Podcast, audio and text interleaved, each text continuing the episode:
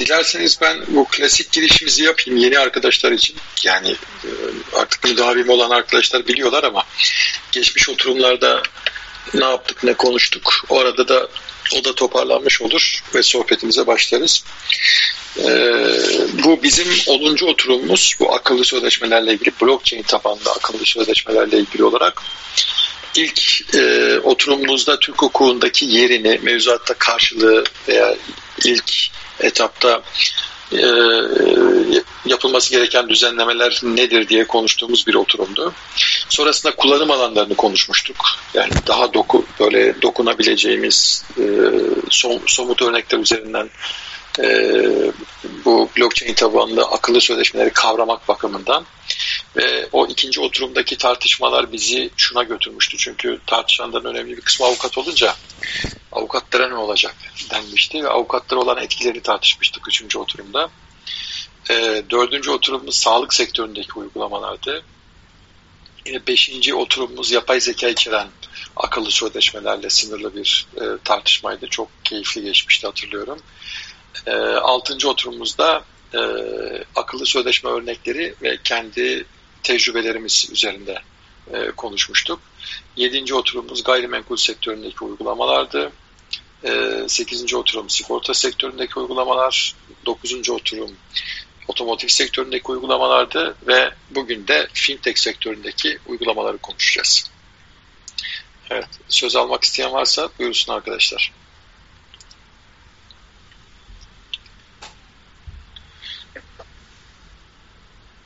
Siz kendi notlarınızı derlerken dilerseniz ben bir giriş yapayım yine. Ee, şimdi fintech nedir? Hiç konuyla belki de e, bağlantısı olmayan ve isme de gelmiş bir arkadaş olabilir. E, finansal teknolojinin kısaltılmış hali diyebiliriz. E, bu kelime anlamıyla e, mali hizmetleri daha iyi bir duruma getirmek için e, teknolojiden destek alan bir yeni bir alan. Hatta bir finans sektörünün bir alt alanı gibi öngörülüyor. Burada tabii kastettiğimiz bir finansal piyasadan bahsetmiyoruz. E, bir sektörden yani teknoloji e, ağırlıklı bir sektör veya segmentten bahsediyoruz. E, peki ne yapar? Yani e, fintech uygulamaları hangi alanlarda kullanılır?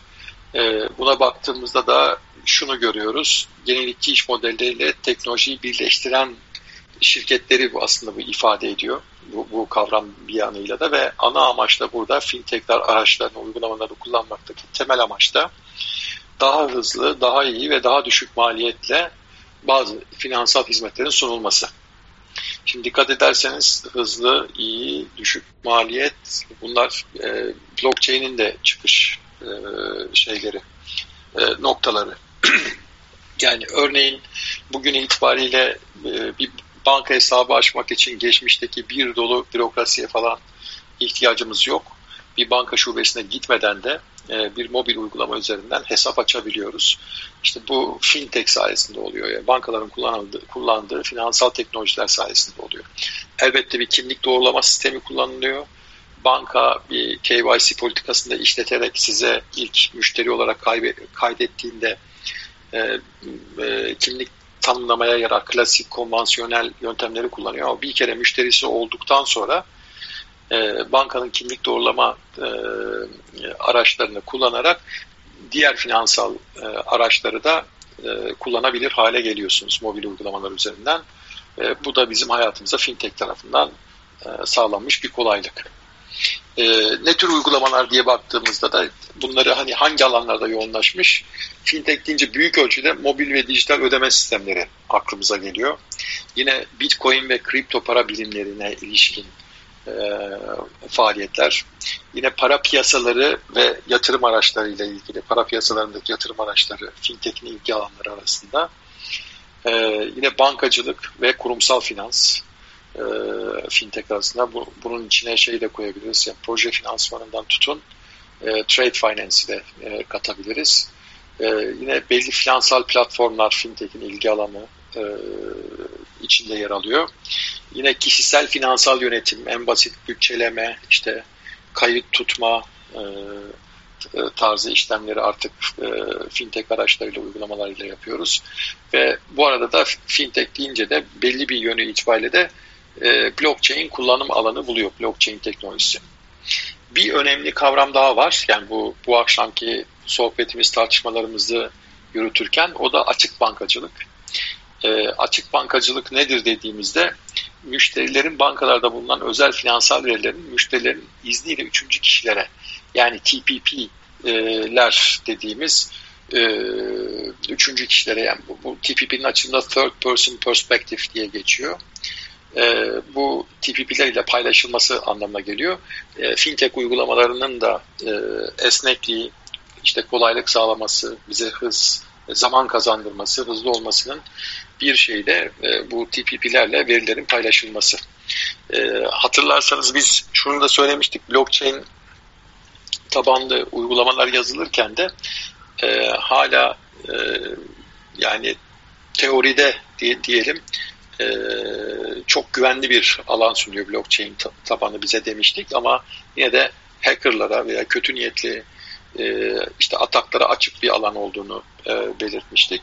Ve belli yazılımların veya uygulamaların da aslında bir e, teyit makamı veya işte muteber teyit firmaları e, aracılığıyla akreditasyon sağlayan e, bir, bir nevi teyit eden e, firmalar tarafından sağlanmasında hayati olduğunu söylemiştik. Hani bu da aslında e, şeyde akıllı sözleşmelerin karmaşık yapısı karşısında e, blockchain dışında da e, yan uygulamalar, blockchain teknolojisi dışından da yan uygulamalar e, kullanması hasebiyle e, dışarıdan erişime açık olması e, sebebiyle oradaki açığı kapatmak için de insanlarda en azından güven telkin etmesi bakımından. Çünkü karşınızda bir kamu otoritesi vesaire bir şey yok. Siz sadece bir teknolojiye ve bir uygulamaya güveniyorsunuz. Bu tür şeyleri e, teyit eden, işte akreditasyon sağlayan üçüncü kişilerin varlığını e, kastetmiştik. Bu third person perspective e, açılımıyla bahsettiğimiz TPP diye kısaltılan şey ise aslında bu teyit mekanizması aslında burada söz konusu değil. E, bizdeki mesela konvansiyonel işleyen hali bizdeki takas banktır.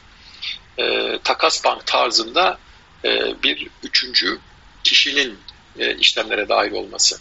Bu kolaylaştırıyor ama bunun içinde tabii ki şeydeki finansal verileri paylaşılacak olan e, gerçek veya tüzel kişinin onayının alınması gerekiyor. E, dolayısıyla fintech alanındaki uygulanacak olan e, işte blockchain tabanlı akıllı sözleşmelerde de e, bu TPP'lerin e, bir hayli hareket alanı olacak gibi görünüyor. Evet, benim başlangıç itibariyle söyleyeceklerim bunlar. Yani söz almak isteyen arkadaşlar varsa buyurabilirler. Buyurun.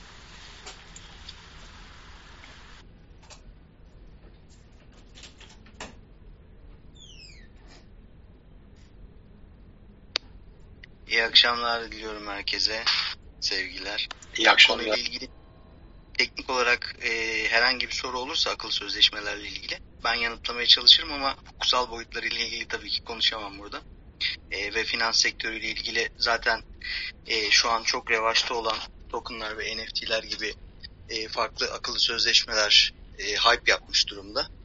E, bu durumda da akıllı sözleşmelerin finans sektöründe ne şekilde kullanacağıyla ilgili daha önümüzde yine yol olduğunu düşünüyorum ben. Çünkü e, akıllı sözleşmeleri şu an piyasa içerisinde e, kullanabilen çok fazla bu konuda e, sektör yok. Devamlı hep hyper bir şekilde para kazanmakla ilgili insanlar değerlendiriyorlar bunu. Biraz önce söylediğim gibi teknik tarafında herhangi bir soru olursa ben derinlemesine yanıtlamaya çalışırım Mustafa Bey. Peki, teşekkürler. Sağ olun. Ee, ben şuradan başlamak istiyorum. Yani e, şey blockchain tabanlı akıllı sözleşmeler e, fintech alanında e, kullanılırken bir husus bence öne çıkacak gibi görünüyor.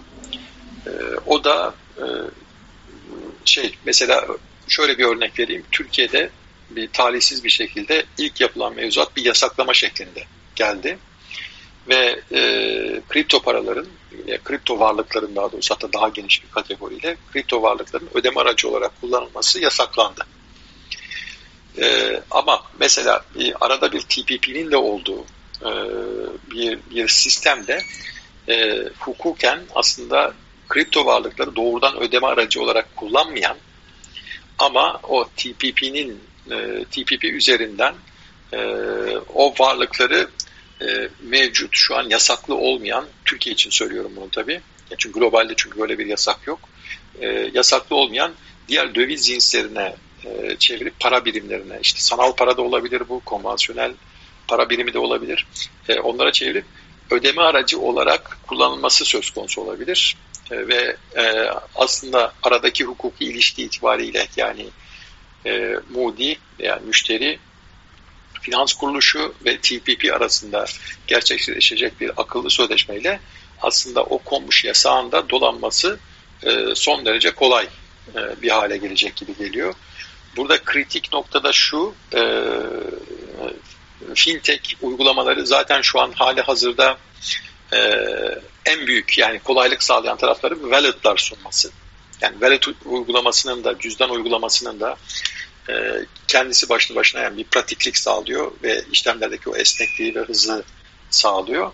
O wallet'lar sayesinde aslında siz e, o cüzdanınızda kripto varlıklarla e, diğer sanal veya işte gerçek e, para birimlerine ilişkin e, varlıklarınızı tutabilir, tutabilir hale geleceksiniz ve bunlar arasındaki dönüşümlerin de çok kolay olacağını ben açıkçası düşünüyorum. Mustafa Bey bu regülasyonu e, nasıl aşabileceğiz? Ya ben yanlış mı anladım orayı? Bununla bağlantılı benim de bir sorum olacak da Tanay Bey gibi ben de düşünüyorum da acaba mevcut bankacılık sistemi ve regülasyonlar bu fintechleri boğmuyor mu? Bana öyle gibi geliyor ama.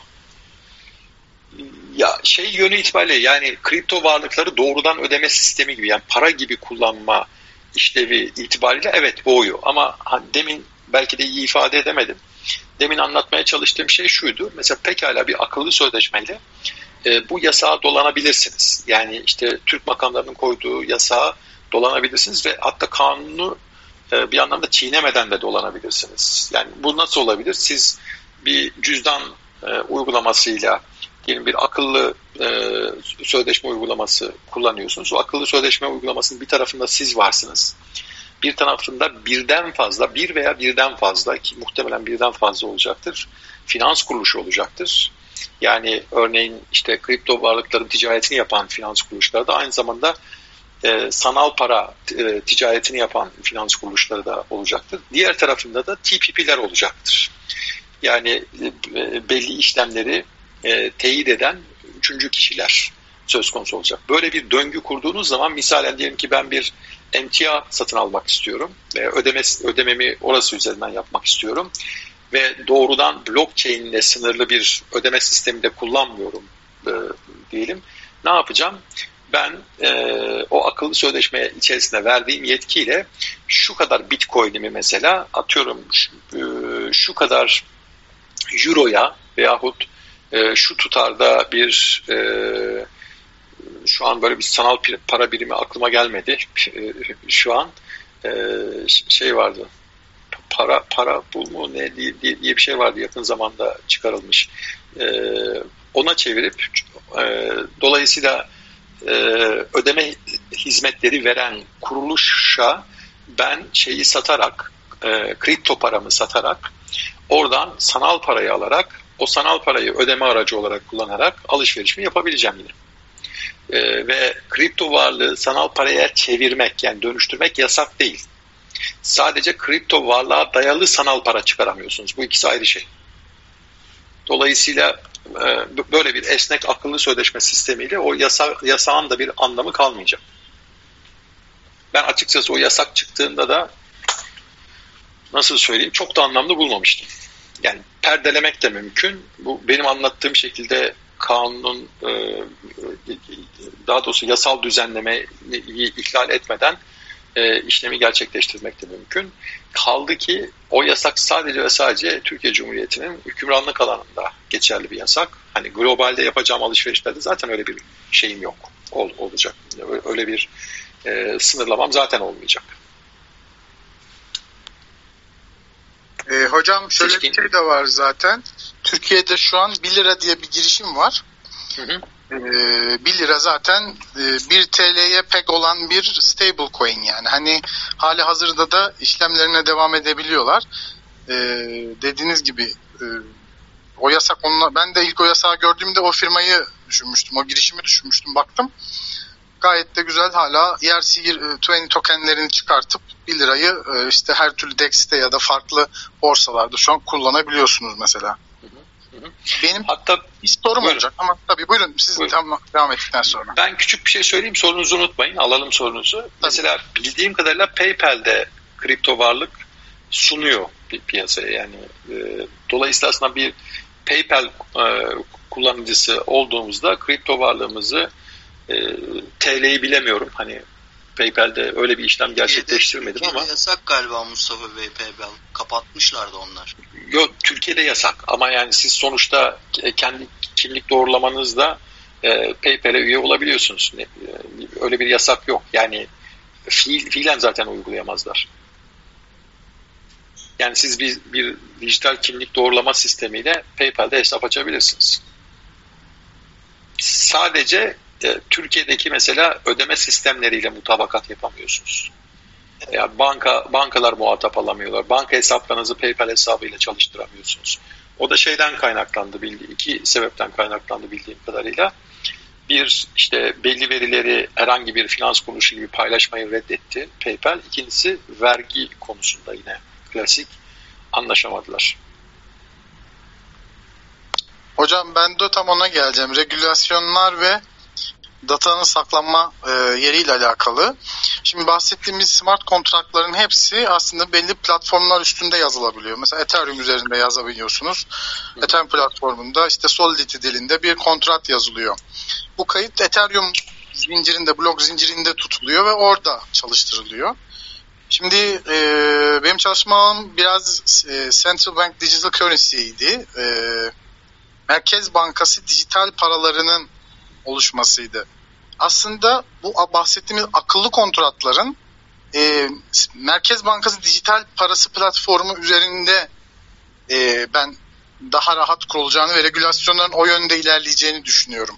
Çünkü defter tutucuyu devlet yani merkeziyetsiz bir sistemi belirleyeceğini yani onu e, kendine e, platform olarak seçeceğine inanmıyorum. Onun dışında e, daha kendi serverlar arasında, dağıtık serverlar arasında oluşturduğu bir algoritmik para stablecoin de olabilir. Bu başka bir varlık da yaratabilir tabii oraya bağlı ama onun üzerinde akıllı kontratların çok daha geniş bir şeye ulaşacağını düşünüyorum. Yani bu stokların tokenize edilmesinden gayrimenkullerin ya da e, buradan da çıkıyoruz şeye e, tapu kadastro kayıtlarının kadar hani bunların tamamını bu teknoloji üstüne taşıyıp bunları da güzel bir şekilde finanse edebilecek bir şekilde gelecek ama tabii merkez bankalarının buna girmesi gerekiyor. Merkez bankalar kontrolünde olduğunda ben biraz daha bunun yaygın bir şekilde e, sürtünmesi azaltılmış bir şekilde insanlara e, sunulacağını düşünüyorum. E, katılıyorum size. Yani muhtemelen kamunun girişi de öyle olacak. Kendi serverları üzerinde, belli serverlar üzerindeki üzerinden bu işlemi gerçekleştirecekler. Ama önemli olan hani gelecekte de önü açık olan e, şeydeki nasıl söyleyeyim örneğin e, kripto varlıkların orijinal nosyonu itibariyle işte blokları inşa ederek mining faaliyetleriyle ve dağıtık bir şekilde yani işte herhangi bir otoritenin e, kısıtı veya egemenliği altında değil de dağıtık bir şekilde kendi güvenliğini kendi içinde barındırır şekilde işlemesi ama e, kamudaki uygulamaların çoğunun böyle olacağını düşünüyorum. Bu, buradaki e, amaç da şu, e, oradaki işlemlerin e, izlenebilir olmasını tercih edecektir. Yani devlet nosyon şeyi e, e, dediğimiz varlık, yani bu bizim devletimize has bir şey değil, bütün devletler için geçerli. Belli refleksleri vardır ve bir hakimiyet şeyi vardır bir de yani ne, ne diyeyim tırnak içinde kompleks yani bu şey anlamında söylemiyorum bunu. E, menfi bir anlam e, kastederek söylemiyorum. O refleksle hareket eder. Dolayısıyla da iş, işlemleri izlenebilir kılacaktır. Ama mesela ilginç bir şey söyleyeyim size. Bizde bilirsiniz şeyler ilan edilir. Varlık barışı. Varlık barışının ne olduğunu biliyoruz değil mi? Yani dönem dönem ilan eder e, bizim devletimiz ve der ki işte Türkiye dışından paralarınızı getirirseniz işte yüzde bir, yüzde üç neyse belli bir e, diyet öderseniz, belli bir vergi öderseniz istisnai e, e, bir şey e, ben bunları e, kayıt altına almış olacağım ve nereden bulduğun sorusunu da sormayacağım. E, ben mesela diyelim ki bizim Merkez Bankası böyle bir e, e, sınırlı e, bir, bir şekilde yani public e, olmayan e, bir dağıtık e, kayıt sistemine geçti, e, veri kayıt sistemine geçti. Dönem dönem çağrıda bulunup kendi sistemi dışından da e, bu TPP'ler aracılığıyla çünkü onların teyidine de ihtiyacı olacak. O TPP'ler aracılığıyla bu kendi sistemine dahil olmayan kripto varlıkları da sisteme dahil edebilir. Ve hatta bunu belli dönemler içerisinde sürekli hale de getirebilir. Bu da ilginç bir şey olacak. Hani şu an mesela biz uygulamaları biliyoruz. Bazen işte e, o başvuruları biz de yapıyoruz ya müvekkiller bize destek oluyoruz. Klasik işte beyanname dolduruyorsunuz, ediyorsunuz falan ve işte parayı ne zaman getireceksiniz, tutar ne olacak, hangi döviz cinsinden bunları beyan ederek yapıyorsunuz. Bunları yapmayacaksınız ve kişiler kripto varlıklarını da ithal edebilecekler. Burada yalnız e, biraz önce söylediğiniz şey çok güzel fakat blockchain'in felsefelerinden bir tanesi olan e, merkeziyetsizlik tamam güvenlik, security çok güzel e, devlet için. Ölçeklenebilirlik de bir yere kadar ama merkeziyetsizlik kavramı yine blockchain terminolojisinin dışında kalıyor. O yüzden e, devletin bunu yapması çok güzel fakat e, şey olması merkeziyetsizlik kavramının yitirilmesi blockchain terminolojisi açısından sorun çıkartacaktır diye düşünüyorum ben. Çünkü e, mimari bu şekilde, blockchain yapısı bu şekilde. E, ben Tanay Bey o ikili yani ikili yapının daim olacağını düşünenlerdenim. Yani e, öyle bir şey şizofrenik bir durum olacak. Yani blockchain kullanılacak ama işte public olmayan e, veri tabanları şeklinde de yürüyecek. Bir de işte public olan, merkeziyetsiz olan sistemler halinde de yürüyecek ve hibrit bir yapı olacak gibi geliyor. Ben hep böyle düşünüyorum. E, zaten aslında blockchain mimarilerinde proof of authority denilen bir konsensus var. Ben aslında bu e, merkeziyetsizliğin de kısmi olarak dışına çıkıyor. Çünkü verifikatörler oradaki onaylayıcılar kimlikleri bilinen ve kısıtlı kişiler. Birçok kullandığımız blockchain mimarisinde mesela Binance'ın kendi blockchain mimarisinin konsensusu e, protokolü yani mutabakat mekanizması Proof of Stake Authority. Bu da ona benziyor. Bitcoin var. O zaten tekil olarak onaylıyor. Aslında bir konsept mimari. Hani bu şekilde kendi iç blockchain'ini zincir yapısını kullanarak devletler e, bu konuda bu çalışmaları yapabilirler. Zaten TÜBİTAK'ın bir gram diye galiba bir şeyi var. E, yapısı var. Altın transferleriyle ilgili blockchain üzerinde çalışan tam e, şeyini bilmiyorum ne şekilde çalıştığını. Ama bu buna örnek olabilir mesela. Bankalar arasındaki e, altın transferlerini bu protokol üzerinden yapabiliyorlar diye biliyorum. Ee, ben aslında bu, buyurun. Buyurun buyurun ben bölmeyeyim. Buyurun. ee, ben ya ismi hafızam çok kötü. Oturumlarımızdan birine de katılmış ve TÜBİTAK'ta bir öğretim üyesi İsa Hoca. E, İsa dostumuz, Hoca. Ha İsa Hoca evet. İsa Hoca başka bir kulüpteki konuşmasında bir gramı biraz e, anlatmıştı. Çok da detay veremeyeceğim demişti belli sebeplerden ötürü. Ama şey birazdan da keşke bizi görse de katılsa ve burada da oradaki biz, bizimle paylaşabileceği kadarını paylaşsaydı. Bir gram projesiyle ilgili bilgisi olan arkadaşlar varsa da yukarıya bekleriz. Ahmet Bey siz bir şey söyleyecektiniz. E, ben tam e, merkeziyetsizlik ilkesiyle alakalı şey söyleyecek. Şimdi Bitcoin'in bile e, proof of work'tür. Yani hani e, belli şeyleri e, grafik kartlarını çalıştırarak mining yaptığınız bir sistem. E, burada büyük pool'lar var mesela. Çok büyük bir kısmını bu pool'lar valide ediyor. Yani aslında merkeziyetsizlik de öyle çok kolay sağlanabilecek bir e, şey de değil aslında yani. Şimdi Ethereum mesela Proof of Stake'e geçti. Ethereum 2.0'la geçiyor daha doğrusu hala Paydarpay'i. E, orada da mesela yatırdığınız para ile ilgili olacak. Tabi orada bazı limitler var. Tabi bazı şeyler önüne geçmek için bazı limitler konmuş ancak yani aslında merkeziyetsizlik de o kadar da e, şey değil açıkçası. Çok da e, ben e, açık bir şekilde rahat bir şekilde uygulanabileceğini de düşünmüyorum. Ondan dolayı zaten bu defterin kaydının en azından mesela bu Türkiye Cumhuriyeti Merkez Bankası olmak zorunda da değil. Yani biz herhangi bir birliğe de üye olabiliriz. Bu Dünya Bankası'nın kurduğu bir e, dağıtık sistem de olabilir. Yani zaten öyle şeyler çalışıyorlar şu an benim bildiğim. E, yani daha büyük bir sistemin bir parçası da olabilirler. Çünkü amaç burada geriye dönük olmayan immutable, değiştirilemez bir e, zincir sistemi oluşturmak. Yalnız burada e, Proof of Work tarafında kimlikler her zaman gizlidir ve takip edilemez. Proof of Authority tarafında böyle bir durum yok. E, verifikatörlerin e, Proof of Stake'de de yok. Ama Proof of Authority'de yani konsept olacak şekilde e, konsensuslar olarak değerlendiriyorum ben bunu. Burada hep e, verifikatörlerin şeyleri, e, kimlikleri açıktır ve bildirilmesi gerekir. Ve takip mekanizması da kimin neyi onayladığı, ne kadar onayladığı, ne kadar fee aldığını hepsini bir şekilde görebilirsiniz. E, kendi yaptıkları hash hareketlerinden. E, ama tabii e, örnek veriyorum Dünya Bankası ya da farklı bir konsensus oluşturulursa buradaki onaylayıcıların da e, kim oldukları belli olur. Hatta e, burada işlem yapan insanların da e, sanıyorum ki böyle çalışmalar da var bu konuda. Wallet'lar üzerinden herkesin farklı wallet'ları olduğu, bizim TC kimlik numarasının olduğu gibi e, ve e, burada da ne oluyor? Herkesin yaptığı işlemler, kim ne kadar para getirdi, para götürdü, para yatırdı, para çıkarttı gibi bütün işlemleri takip edebiliyorlar. Evet. Murat Bey söz istemişti. Buyurun Murat Bey. Merhaba herkese. İyi akşamlar. Ee, yine çok güzel bir konu Mustafa Bey. Teşekkür ederiz. Ben konuşmaların hepsine katılıyorum. Şu ana kadarki olanların.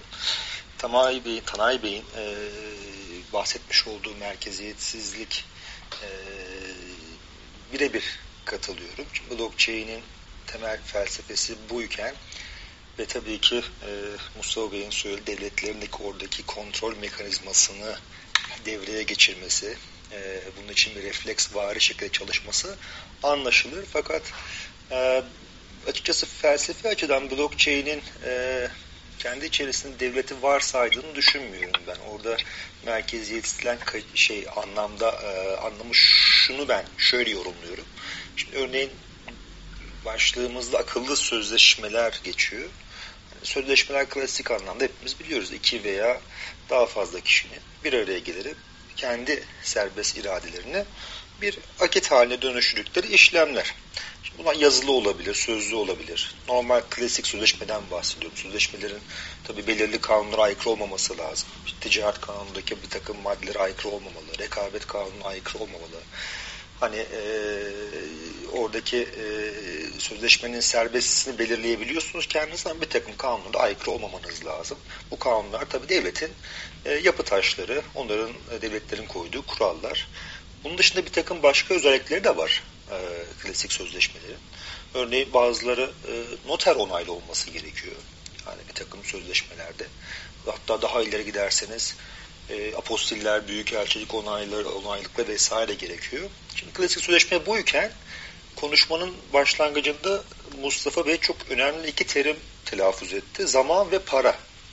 Şimdi bu tür sözleşmelerin dedik ki klasik sözleşmedeki kişinin bir en az iki kişinin bir araya gelip ortak iradeyle, serbest iradeyle ortaya koydukları dedik ama zaman ve para burada inanılmaz şekilde israfa uğruyor.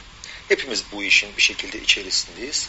Sözleşmenin yönetimi, draft edilmesinden tutun da e, oradaki finansal, özellikle fintech tarafındaki e, getirilerinin e, cebe girmesi inanılmaz bir e, zaman israfı olarak görüyorum. Şimdi mevcutta fintech uygulamalarına baktığımız zaman akıllı sözleşme tarafı galiba bu zaman ve parayla ilgili açıklanırsa bir anlam ifade edebiliyor. Yani benim yarın bir e, işte bir uçağım var. En sevdiğim örneklerden biridir bu. E, diyorum ki bir sigorta şirketine uçağım eğer rötar yaparsa bana bir şey öde, e, tazminat öde diyorum. Sigorta şirketi bunu üstleniyor. Şimdi merkeziyetsiz bir sistem var diyoruz. Ne yapıyor? Sigorta şirketi örneğin hatta birebir aynı örneği vereyim. 95 doları o sisteme gönderiyor. Ben de 5 doları sigorta karşılığı o sisteme gönderiyorum. Eğer uçak rötar yaptıysa anında benim cebime cüzdanıma artık nerede bu e, finansal veriyi saklıyorsanız 100 dolar geliyor.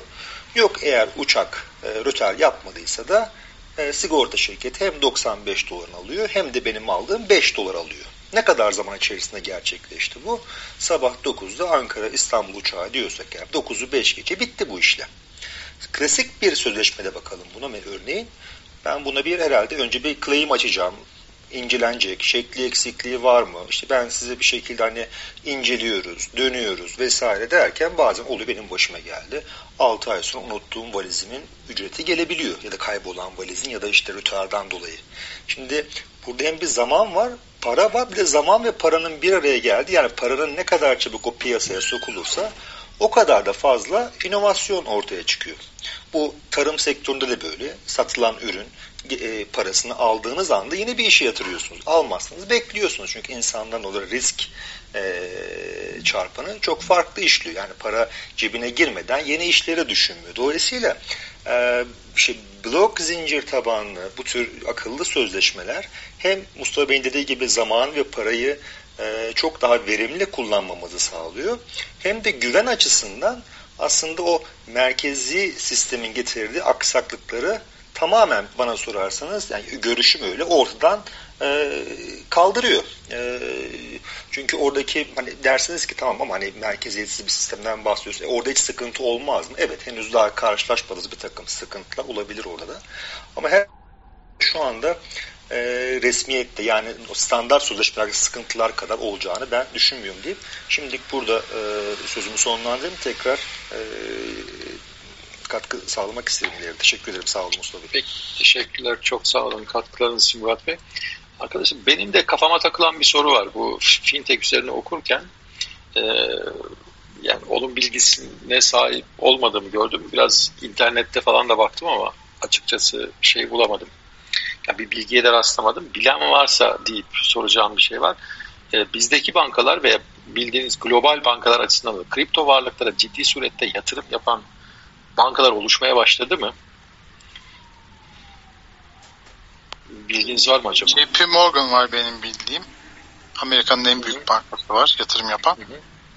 Bazı ETF'ler var. E, Grayscale var. Şirket olarak yatırım yani e, Grayscale, Bitcoin Trust ve Ethereum Trust var. Benim bildiğim banka değiller ama çok büyük finans kuruluşları, yatırımcıların, e, kurumsal yatırımcıların bizzat hisse alıp yani hisselerini alıp satabildikleri kurumlar var.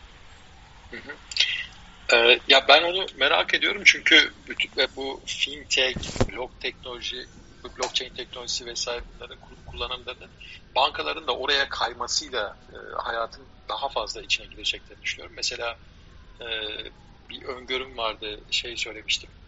E, işte bir akıllı sözleşme e, uygulaması içerisinde TPP'leri de katarak birden fazla finansal kuruluş ve bir tarafına da müşteri olan akıllı sözleşmeleri işlettiğimizde aslında kripto varlıkları dilediğimiz e, sanal para veya, veya işte dijital paraya veya konvansiyonel paraya tahvil edip dönüştürüp e, belli işlemleri öyle de gerçekleştirmek mümkün diye. Bunun içinde siz bir yani basit bir döviz bürosu bile olsanız e, diyelim ki işte döviz ticareti yapacaksanız ne yaparsınız? Belli miktarda işte Türkiye için konuşursak euro veya dolar rezervinizin olması lazım. Yani işlemlerin sürekli için.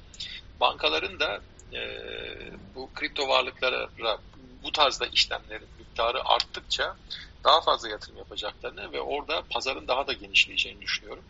E, pazar genişleyince işte daha çok hayatımıza girecek gibi, daha yaygınlaşacak işlemler gibi e, şeyi bilmiyordum. Teşekkür ederim Ahmet Bey. JP Morgan ve diğer saydığınız kuruluşların bunlara başlamışlar demek. Globalde var ama Türkiye'de ben duymadım. E, sadece bir iş bankasının bir şeye taraf olması, bir e, akıllı sözleşmeye taraf olması söz konusu değil ama kripto varlık edindiğini bilmiyorum. Aslında bir engel yok. Onu da söyleyeyim. Hani belki o yönde soru gelebilir. e, bizim bankaların minimum yatırım yapabilecekleri belli yatırım araçları var. Yani o kanunda sayılan veya BDDK düzenlemelerinde daha doğrusu sayılan kategorilerdeki e, şeylere, varlıklara yatırım yaptıktan sonra serbest kalan kısım üzerinde nasıl tasarruf edeceklerine ilişkin tabii ki suç teşkil etmeyen şeyler olması lazım. E, herhangi bir kısıtlama falan yok. Yani Türk, Türk bankalarının da yabancı sermayeli olsun, işte tamamen kamu bankası olsun veya yerli sermayeyle kurulmuş bir Türk bankasında da kripto varlık edinmesi ve onu da bir yatırım aracı olarak kullanmasının önünde bir engel yok. Ben hocam bir soru sorabilir miyim? Peki pratikte mümkün mü Tanay Bey? Yani cüzdanın sahibi kim olacak? Cüzdanın şifresi nerede saklanacak? Pratikte mümkün ama e, o zaman o işin takibi çok rahat olur. Yani şunu demek istiyorum. Cüzdanı şimdi İş Bankası tüzel kişilik olarak mı açacak? Cüzdan anahtarı şeyi keyler nerede duracak? Cüzdana girip çıkmayı nasıl yapacaklar? Bankanın hazinesinde duracak. Bence onda bir şey yok ki. Bir tereddüt yok. Yani yani şöyle söyleyeyim. Mesela bankanın e, kendi kasasında tuttuğu parayı para gibi düşünün. Şu kadar dolar, şu kadar TL, şu kadar euro banka beyan ediyor. Yani bende bu var diyor. Yani kimse de fiziken gelip kontrol etmiyor. Tabii ki denetimden falan geçiyorlar. Dolayısıyla banka yine beyan edecek. Diyecek ki benim filan balatımda şu kadar varlık duruyor. Bitti. Ama yani onlar denetlemek şöyle... isteyen gelip balatı bakabilir. Onlar Buyurun. şöyle olur büyük ihtimalle Mustafa Bey. E, lafınızı bölmeyeyim. Büyük ihtimalle ledger'lar, ledger'lar üzerine yani soğuk cüzdanlar bu e, USB cüzdanlar var ya çok Aha. yani 24 Aha. e, Word mnemonic tutan yani 512 bit güvenlik şifrelemeli olan cüzdanlar üzerinde tutulur ve sizin söylediğiniz gibi hazinesinde falan durur. Yani normal e, bir cloud wallet'ta ya da bizim e, kripto varlıklarımızı sakladığımız gibi Metamask'larda, Trust Wallet'larda falan tutmazlar onları. Transferlerini yaparlar. Ledger'lara alıp bir yerde onu e, artık nasıl saklıyorlarsa altınları ya da paraları rezerv olarak o şekilde büyük ihtimalle muhafaza Aynen. ederler. Aynen. Kendi kasalarında durur. Hatta belki e, BDDK şöyle bir yani bizim ülkemiz açısından konuşursak kripto varlıklardaki yatırımlarının belli bir oranının ne bileyim hani emin olmak için takdir onlarda yüzde sekseni, yüzde altmışı neyse soğuk cüzdanda olmasını bekleyebilir. Çünkü sizin bir likidite de sağlamanız lazım. Sıcak cüzdana geçiş yapacaksınız ki rahat rahat işlem yapabilirsiniz. Müşterilerinizin işlemlerini e, yürütebilirsiniz e, diye. Ama belli bir oranının e, şey soğuk cüzdanda tutulmasını isteyebilir ve denetime hazır tutulmasını isteyebilir. Yani orada ben bankanın kendi kasasında tuttuğu e, altın veya paradan farklı bir muamele göreceğini zannetmiyorum. Bu konuda şöyle de bir şey var. Çoklu imza sistemleri var. Ee, yani farklı wallet'ları kullanarak bazı paraları hareket ettirebiliyor oluyor biliyorlar. Yani belli hazine için oluşturulan kontratları e, farklı belirlenen atıyorum 5 kişiden 3'ünün imza atmasıyla hareket ettir yani transaction yapabilecekleri şeyler var. Bunun gibi katmanlar eklenebiliyor. Ayrıca da bazı firmalar saklama hizmeti olarak, third party olarak hani saklama hizmeti veriyorlar şu an sadece.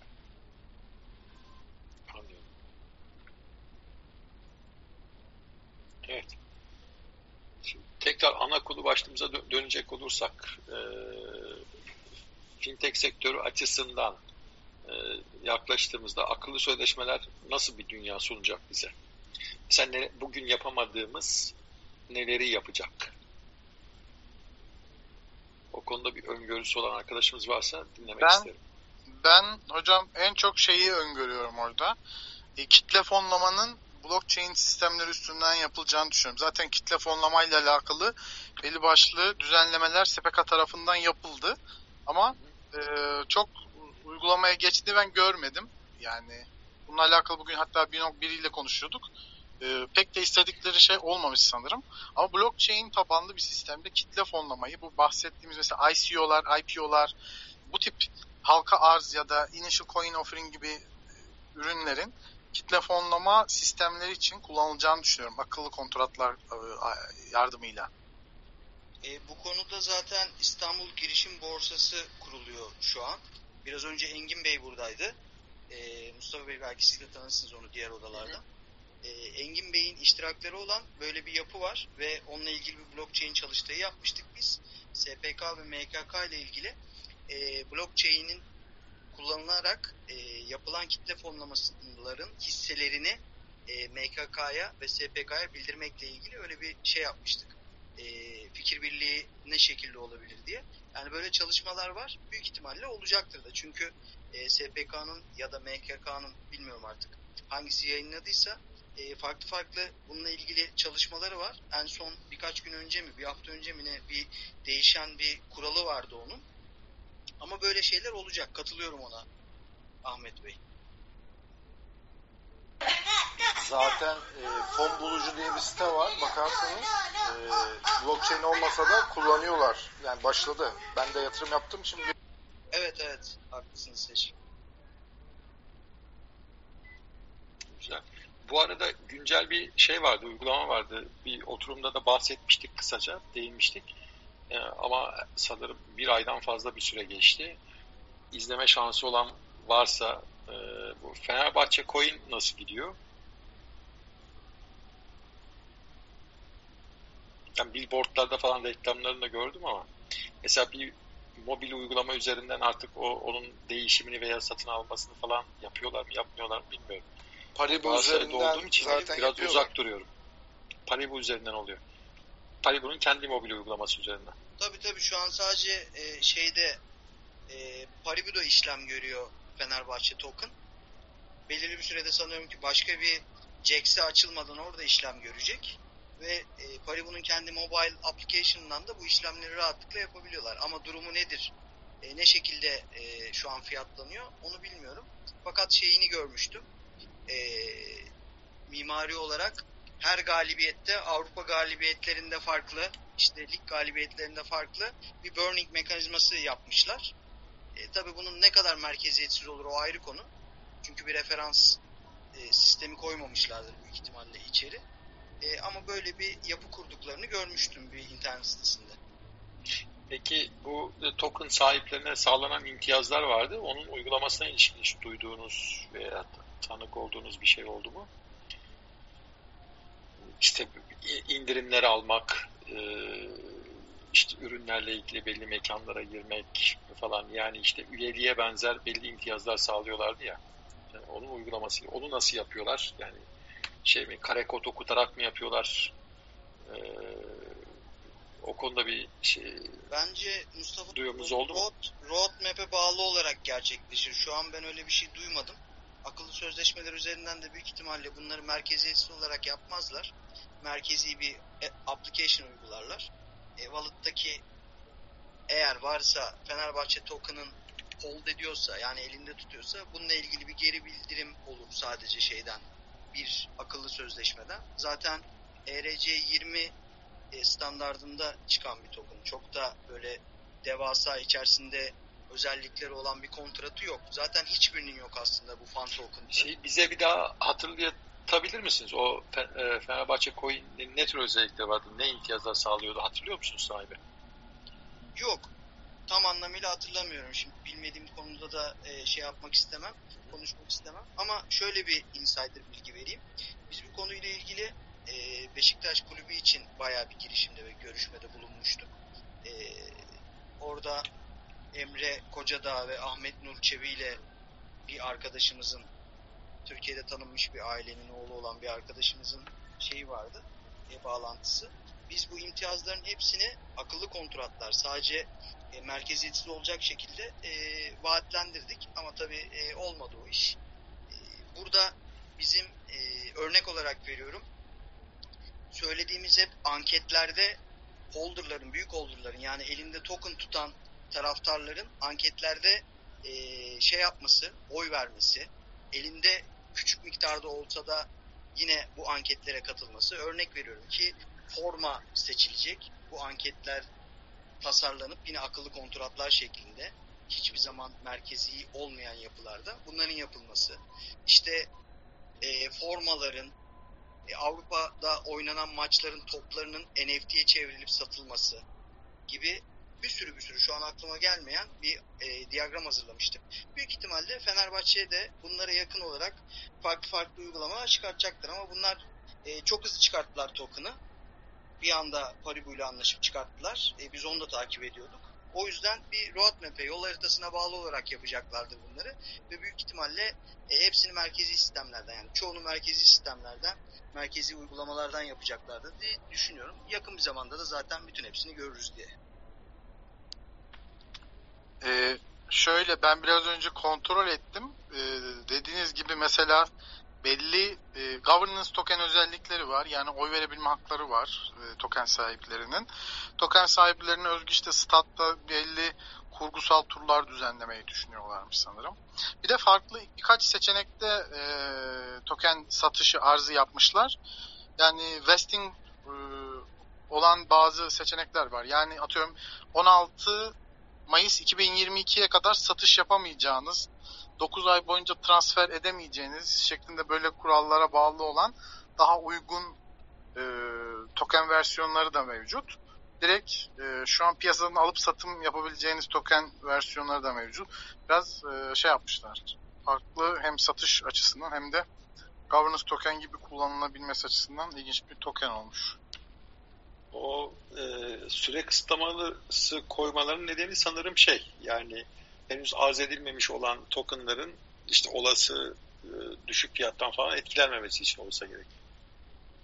E, genelde vesting vermelerin sebebi projenin ileriki safhalarına kadar onları e, ceplerinde tutup e, ani fiyat düşüşleri yaşamamak için. Genelde bunu şeyde uyguluyorlar.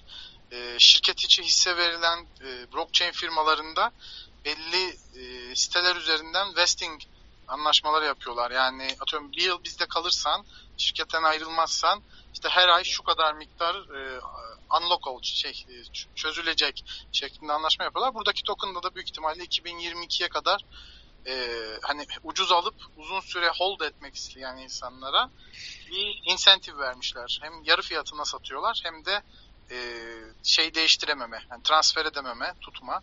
Yani uzun vadeli yatırımcılar için seçenek sunmuşlar gibi olmuş. Zaten e, ben de bir arkadaşımdan duydum. E, kulüp içi çalışanlara mesela önceden Paribio çıkmadan önce vermişler. Almak istersiniz diye. Ya vermişler değil, e, alın diye söylemişler. Büyük. Zaten private sale oluyordur büyük ihtimalle böyle yapılarda. Çıkacak arkasında projeyle olan tokenların e, şeyleri üreticileri zaten böyle seed sale ya tohum satışı ya da özel satışlar yapabiliyorlar. E, genelde seed seal yapıldığında e, şeylerle, yatırımcı firmalarla, organizasyonlarla görüşüp seed seal'lar yapılır. Ve orada e, çok küçük fiyatlardan, düşük fiyatlardan bayağı bir fon toplanır ki private sale'a kalmadan public sale yaparken büyük bir likit oluşsun diye. Büyük ihtimalle öyle bir yaklaşım sergilemiş olabilirler. Ben bir şey soracağım. Yani diyelim ki e, mütevazi bir token çıkarmanın maliyeti ihracatçı açısından ne kadardır tahminen? Yani kendi deneyimlerinize şu an çok dayanarak söyle. yani kontratı upload edebileceğiniz gaz ücretini ödedikten sonra kontratı yazdırabiliyorsanız çok uygun fiyata ki template'lar mevcut. Ben e, geçen gün bunu hatta bu örneğini çok güzel soru oldu.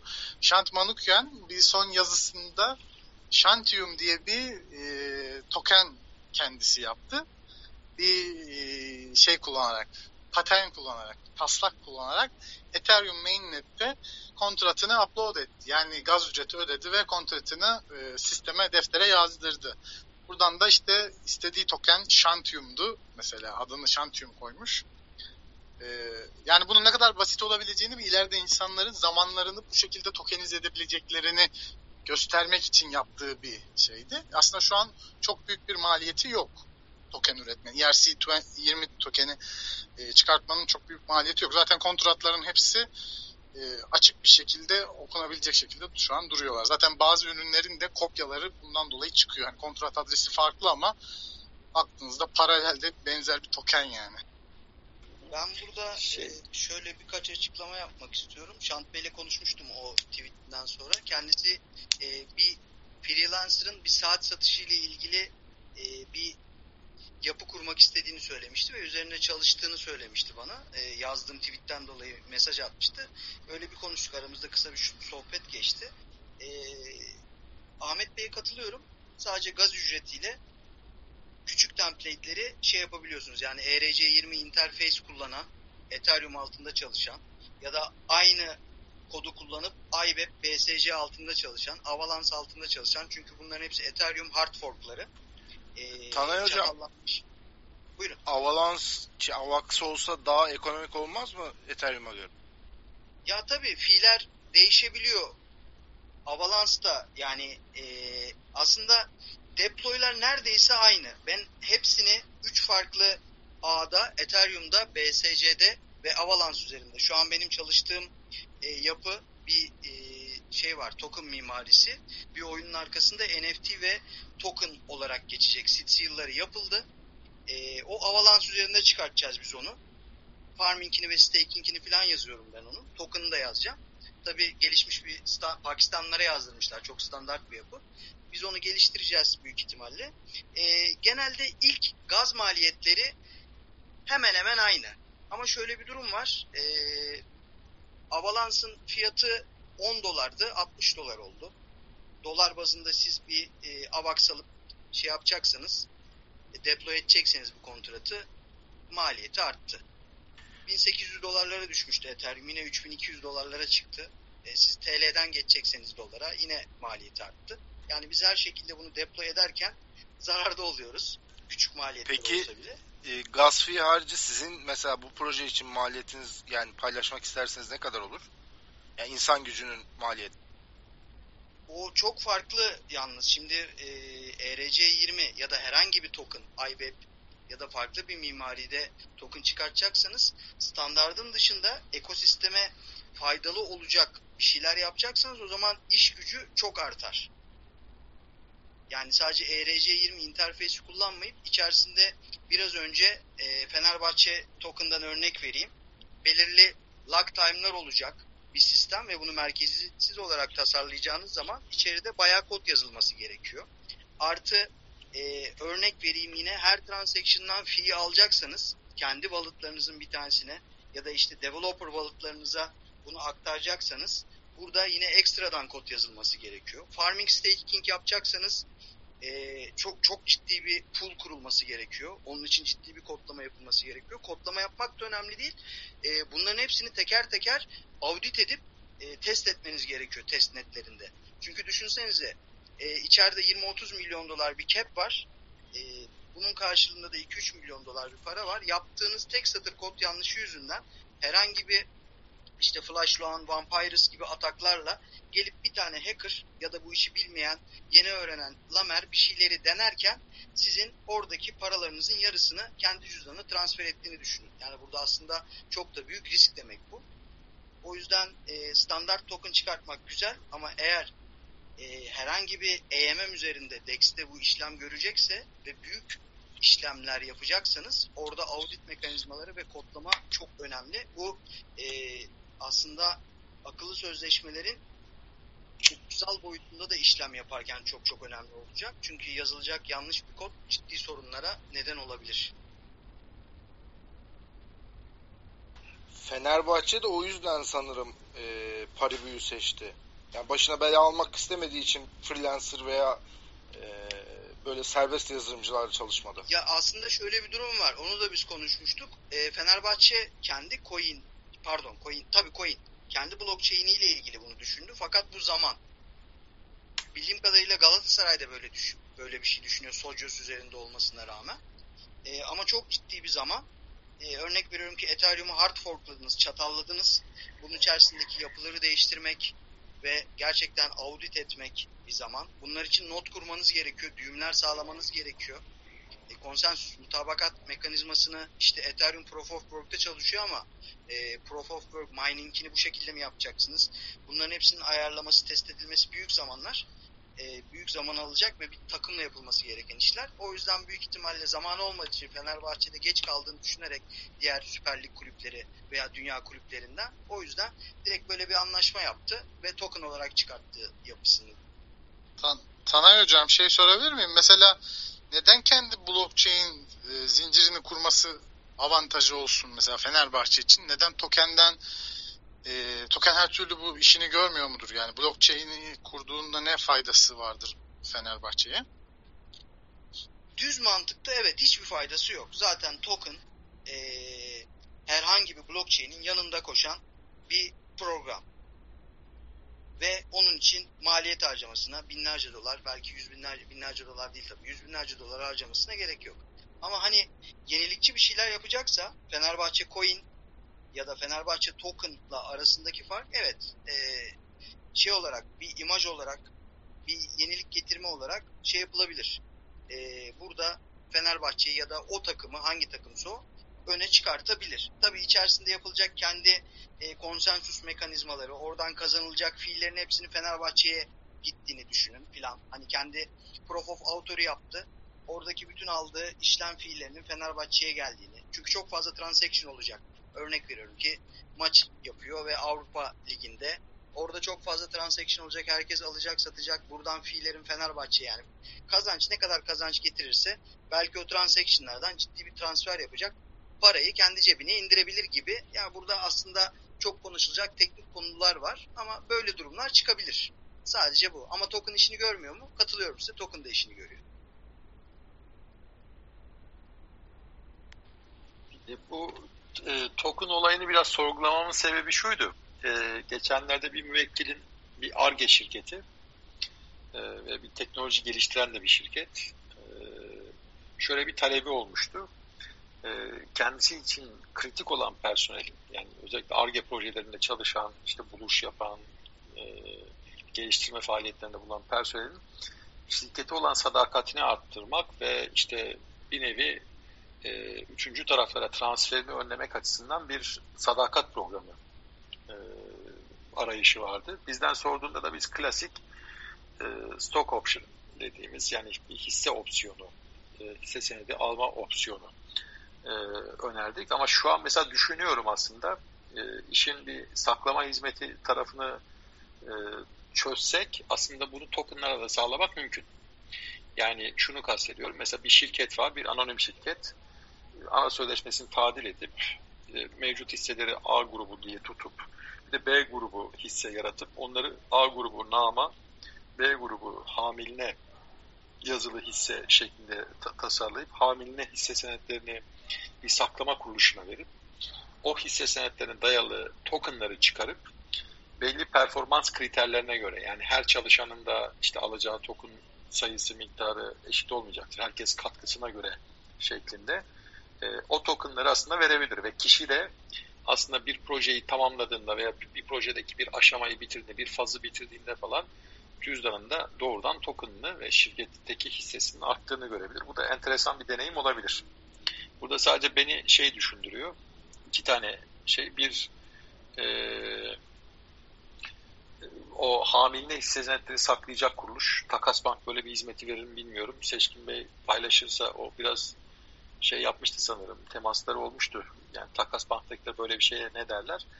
Bir ikinci hususta e, yani halka açılmanın sınırını e, koymak açısından olabilir. Çünkü normalde yani hisse opsiyonu verdiğinizde siz sadece çalışanlara veriyorsunuz.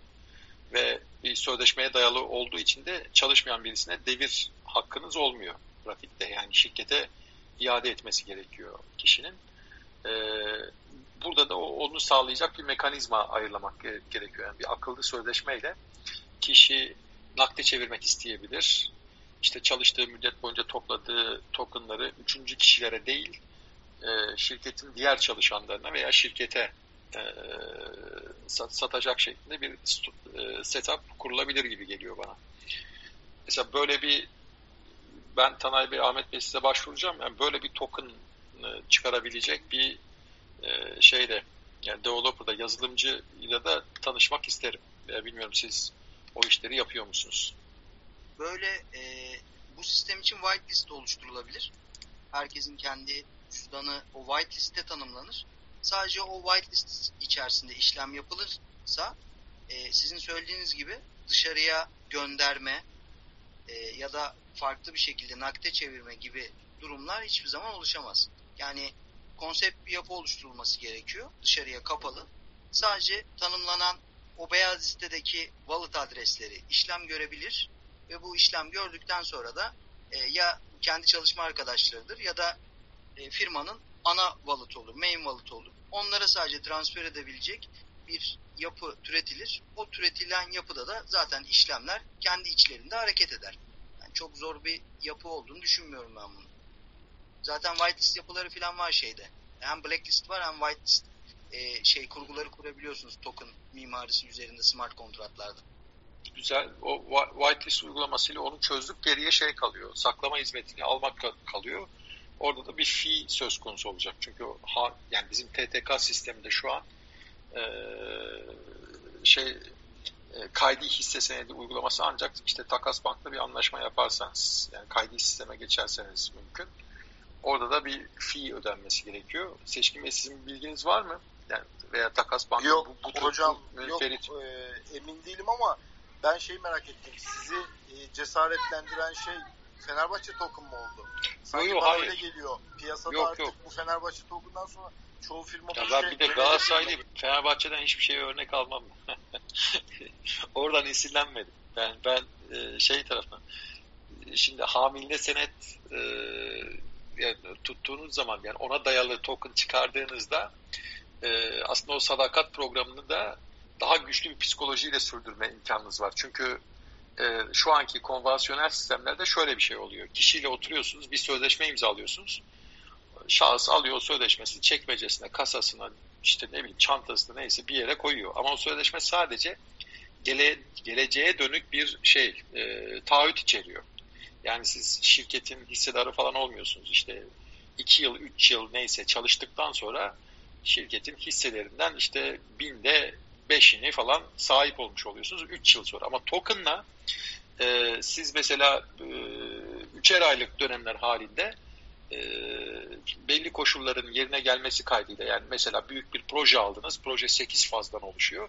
Her bir fazı bitirdiğinizde size bir e, cüzdanınıza bir token girmesiyle ilgili bir şey ve bu daha iyi bir psikoloji sağlar. Yani 3 sene sonra e, sahip olacağı bir şeyi bir insana vaat etmekle e, işte hedefine ulaştığı anda hemen ertesi gün veya aynı işte böyle gerçek zamanlı olarak e, o token'ı kendi tasarruf alanında yani o wallet'ında görmesi farklı bir şey. Daha iyi bir psikoloji sağlar. Yani amaç da orada zaten e, şir, e, şirketin çalışanına şirketi sahiplendirmek olduğu için. Güzel proje hocam. E, evet. Satışçıları Ve da çok bağlar yani. Satışçıları da evet. oyunlaştırarak böyle olaya bize başvuran doğru. Mesela satış tarafında da çok aktif kullanılabilir bu.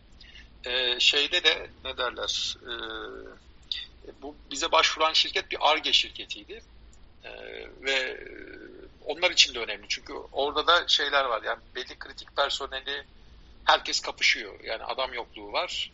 Ve kişiler şey yapmaya çalışıyorlar. Yani e, oradaki lider grup e, tutmaya çalışıyorlar oradaki insan kaynağını. E, bu, bu da ilginç bir şey olur. Bir de şey deneyimi kazandırır. Yani token sahibi aynı zamanda şirketin genel kuruluna da katılıyor. Yani işte ortaklarıyla beraber oturuyor. Şirketin kaderiyle ilgili konularda oy verme itibariyle belki kararları etkileyemiyor. Yani oy sayısı itibariyle. Ee, ama işte o genel kurul içerisinde işte bilgi alma hakkı var, hesap sorma hakkı var, e, nelerin konuşulduğuna bakma hakkı var, finansalları işte 15 gün öncesinden inceleme hakkı var falan filan bir dolu hak bahşetmiş oluyorsunuz o kişiye. Böyle bir şey olabilir. Yani şirketlerin işte çalışanları ile ilgili bir sadakat programları anlamında. Benim e, Mustafa Bey burada izin verirseniz bir konuda kafam karışıyor. Tabii buyurun. Istiyorum. Şimdi Fenerbahçe tokeninden başladık. Fenerbahçe bir token çıkardı. Bunu isteyenler Fenerbahçe e, spor kulübünün çalışanları ya da dışarıdan taraftarları alabiliyor. Bu doğru. Ama Fenerbahçe token Fenerbahçe çalışanlarına belirli bir emekleri karşılığı işte prim olsun ya da işte ücret olsun, ikramiye olsun bunu vermesi Türkiye'deki mevzuata göre e, kabul görür mü? Yani hani parayla çünkü bu ancak tabii şimdi kanunda Türk parası diyor. Hani bunu siz hı hı. ben size bitcoin vereceğim işte ya da örneğin e, illa bu hani prim olması da şart değil. Hani bir şekilde karşılığı para olan ama karşılığında da emek verilen bir şeyin ödemesi Bitcoin'le yapılması mümkün müdür? Bunu bir ödeme gibi düşünmeyin. Yani şöyle söyleyeyim. Bir, Yatırım aracı olarak e, düşünürsek aynı, sorun yok. Evet. Yok, a, a, aynı bir değiş tokuş gibi düşün. Birisi emek koyuyor, e, bir başarı koyuyor ortaya. E, diğeri de bir varlık transferinde bulunuyor. Ve oradaki token türev bir varlık olduğu için hani oradaki hamiline his, benim verdiğim örnekte e, o sadakat programında şey hamiline hisse senetlerine dayalı bir token çıkarıyorsunuz. Do, dolayısıyla o kişi de diyelim ki şeyleri belli performans kriterlerini yerine getirdiği getirdikçe işte cüzdanında o tokenları Aa. görmüş oluyor. O zaman yani, ücret ödemesi olarak düşünmedik yani. Yok. Şeyde de var zaten. Mesela TDK'da da e, bu tür düzenlemeler var. Hani şeylere e, çalışanlara işte hisse senedi verilmesi hatta işte kuruculara, üst düzey yöneticilere falan burada bir problem yok. Hamiline yaptığınız zaman da şeyin el değiştirmeyi şey yapmış oluyorsunuz.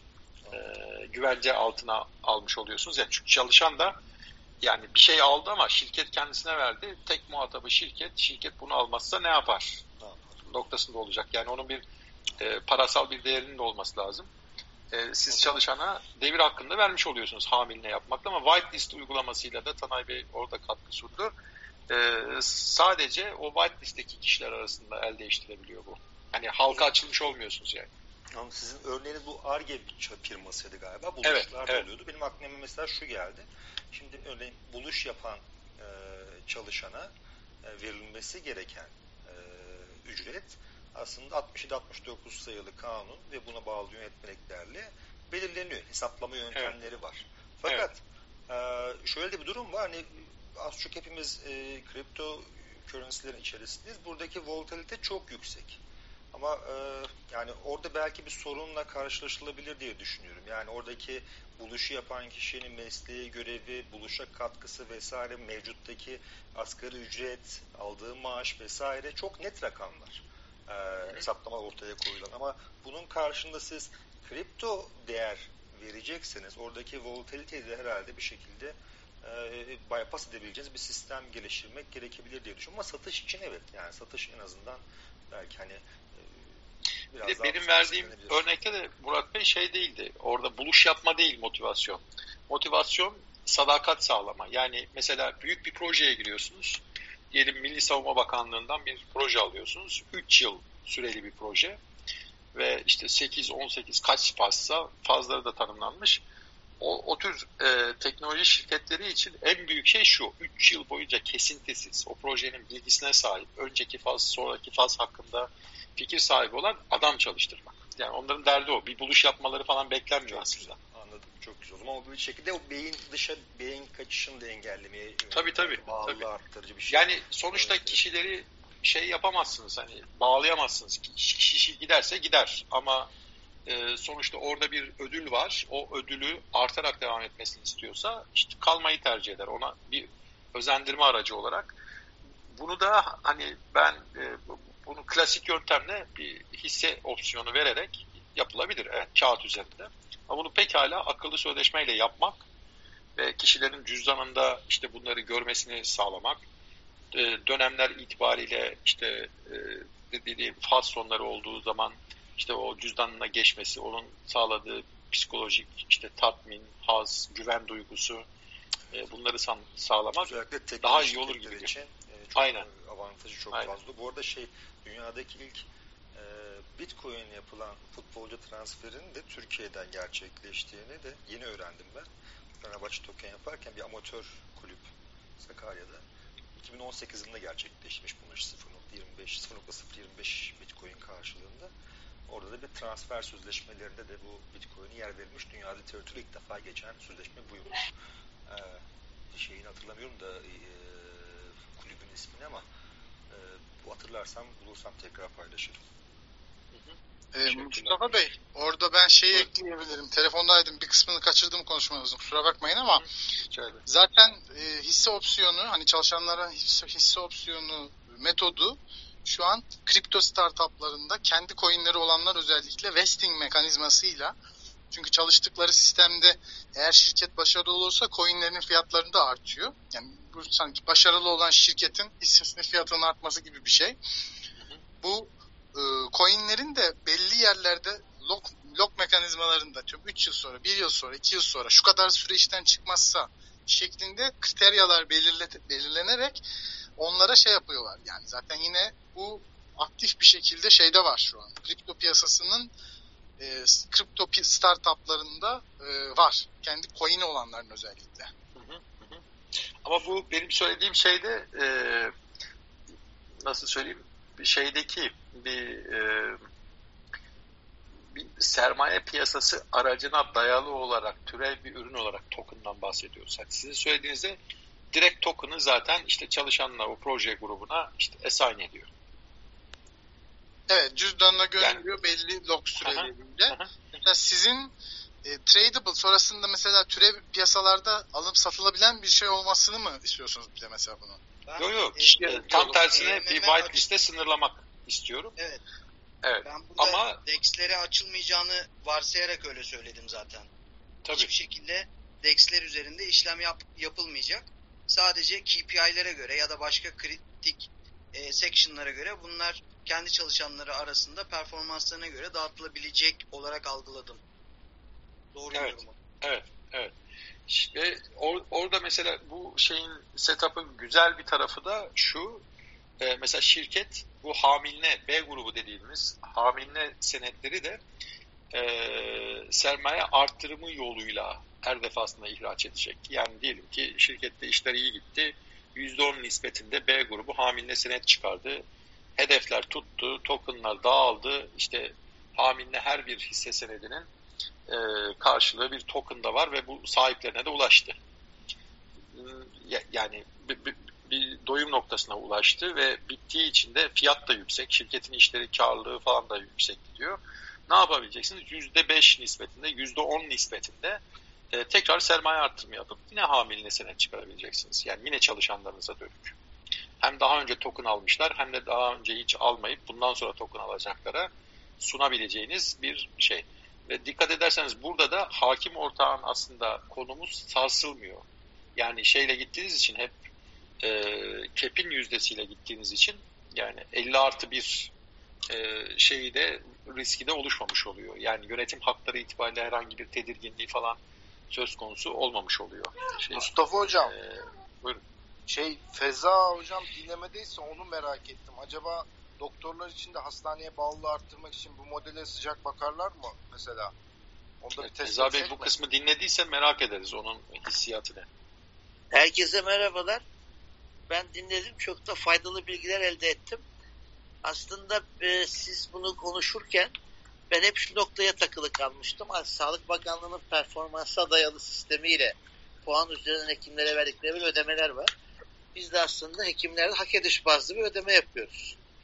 E, ve böyle olduğunda hekimler kendi ekranlarından ciroları takip edip dönem sonundaki hesaplaşmalarda bu, bu karşılığı görüyorlar. Oysa bu noktada günlük aslında yaptığı işin karşılığını eş zamanlı, ertesi gün hesabına geçecek şekilde de akıllı sözleşmeyle yani hastane yaptığı sözleşmeyi böyle yaptığı sürece ve bu hastanın içeri girdiği kayıt sistemiyle ilintilendiğinde e, karşılığını alabilir hale gelir. Bence sağlıkta kullanılabilecek gibi çok kuvvetle muhtemel duruyor. Feza hocam peki bu doktorları hastanelere ortak ediyor musunuz siz? Belli başlı doktorlar hani kaçmasınlar diye. Ya şöyle aslında doktorları hastanelere ortak ediyoruz ama Türkiye'de şu anda 575 hastane var. Doktor ortaklığı başlayan tüm hastaneler sermayedar ortaklı hastanelere döndü. Doktorlar, ben de hekimim, başka hekim arkadaş varsa ya, e, yanlış anlamasın doktorlarla ortaklık çok zor oluyor.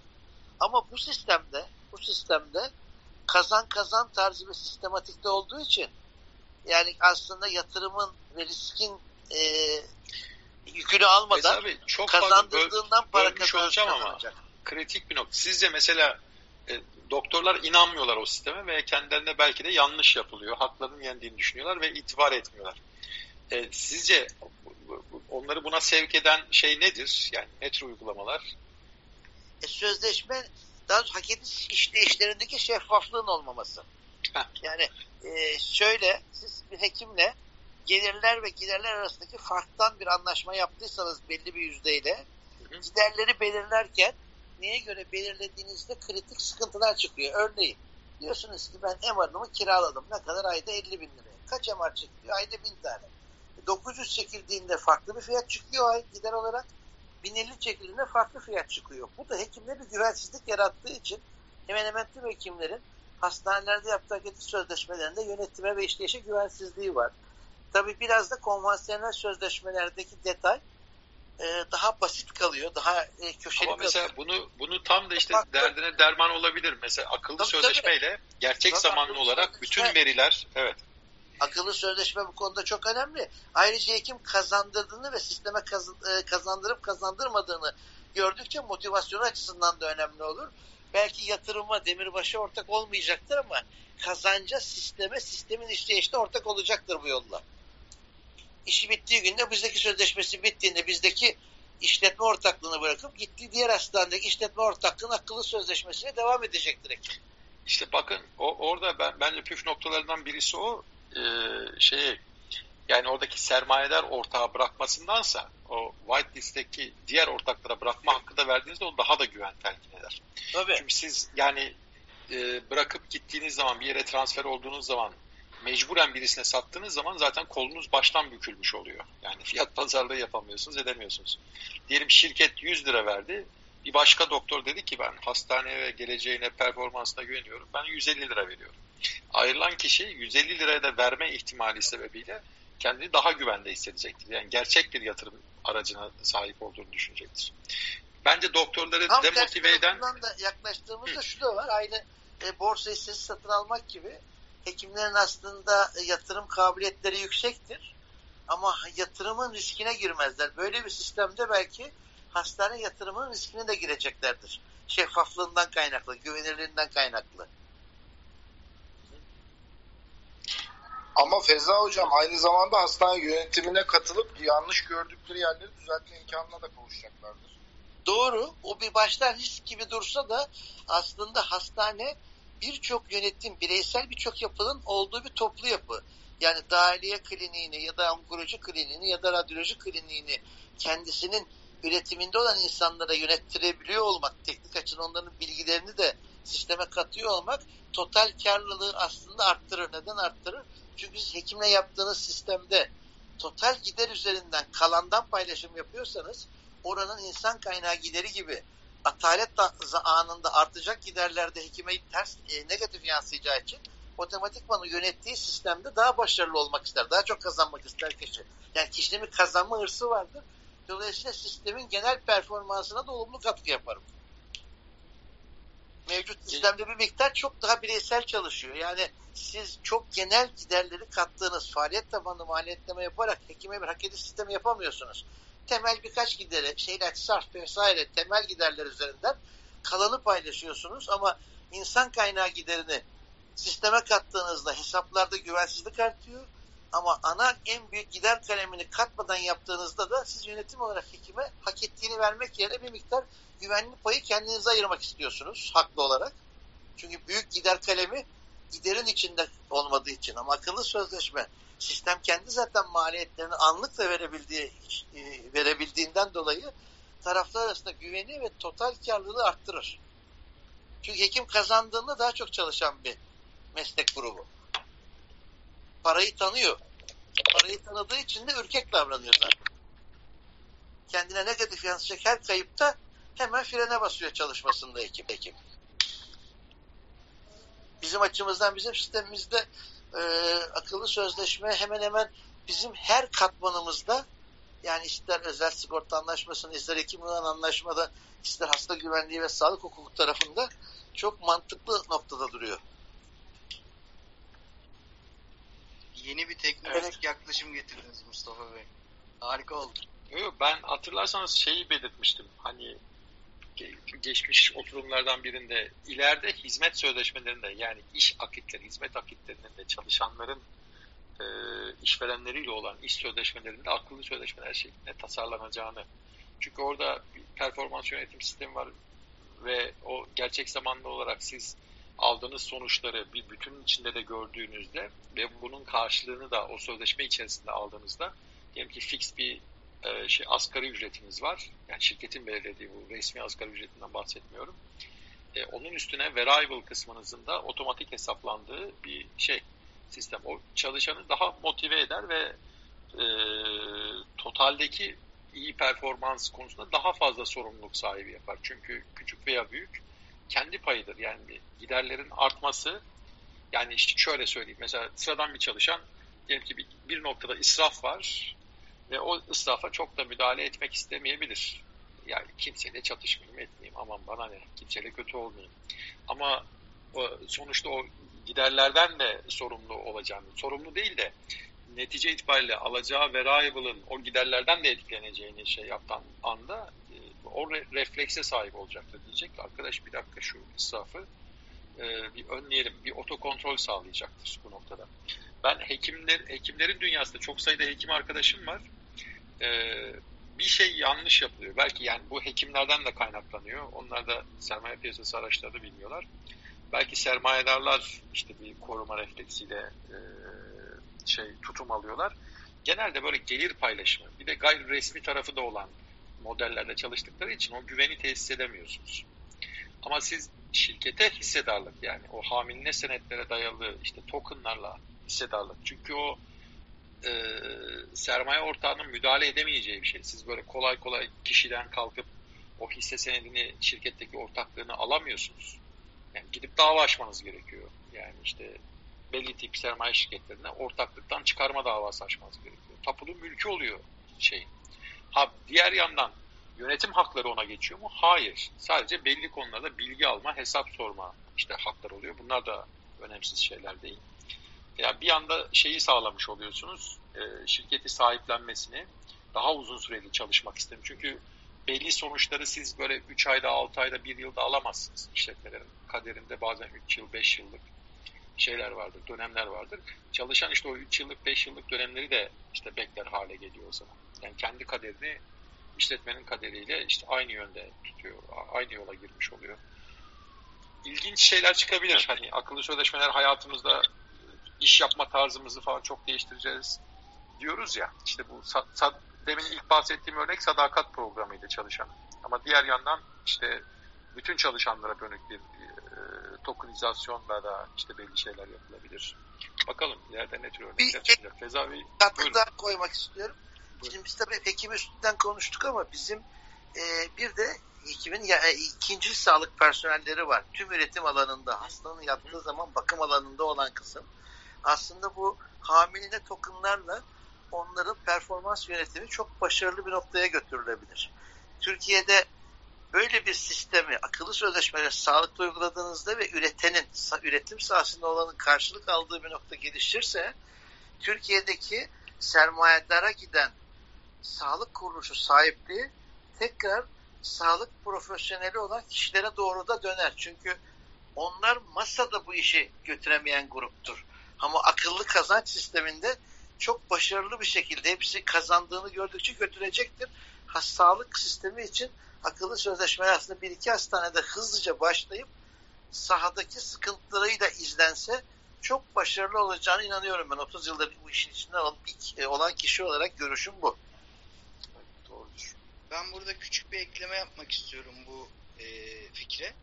Örnek veriyorum ki sadece bunu token olarak düşünmesek ve bunun arkasında ya da yanında koşan, tokenla birlikte koşan bir DApp.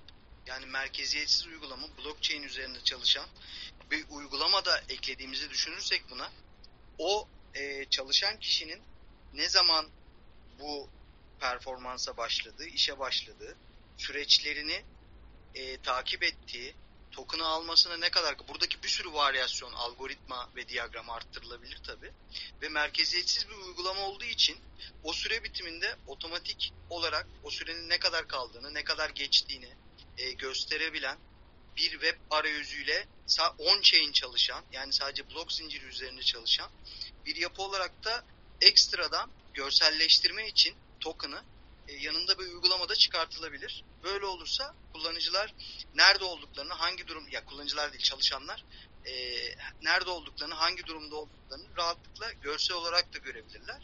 On-chain çalışacağından dolayı da yani blok zincir üzerinde çalışacağından dolayı da devamlı hem token ve şey DeFi ve DApp e, şeffaf, merkeziyetsiz, tam anlamıyla güvenilebilir, e, doğru şekilde kodlandıktan sonra da sıkıntı çıkartmayacak bir yapı elde edilebilir. Sadece bir fikir geldi aklıma. Ben depler üzerine daha fazla çalıştığım için o yüzden e, böyle bir şey eklemek istedim. Olabilir. Hatta yani siz söyledikçe bir sürü model çıkabilir. Örneğin yıllık performansı bir tokenla yani bir hisse senedini temsil eden bir tokenla ödüllendirilirken e, ücretinin variable kısmını sizin söylediğiniz web üzerinden takip edebilir. Yani alacağı primi. E, ikisi farklı şeyler. Yani birinde ortak oluyorsunuz. Çok farklı bir rejime tabi, hukuki rejime tabi. Diğerinde ise performansınızın karşılığı bir yan hak almış oluyorsunuz. Yani e, bir aracı, bir uygulamayı şey için e, ücret benzeri yan haklar, diğerinde de işte hissedarlık için kullanmak ve ikisini aynı anda bir akıllı sözleşmenin çatısı altında birleştirmek de işte zor olmasa gerek. Bir sorum olabilir mi bu noktada? Tabii buyurun.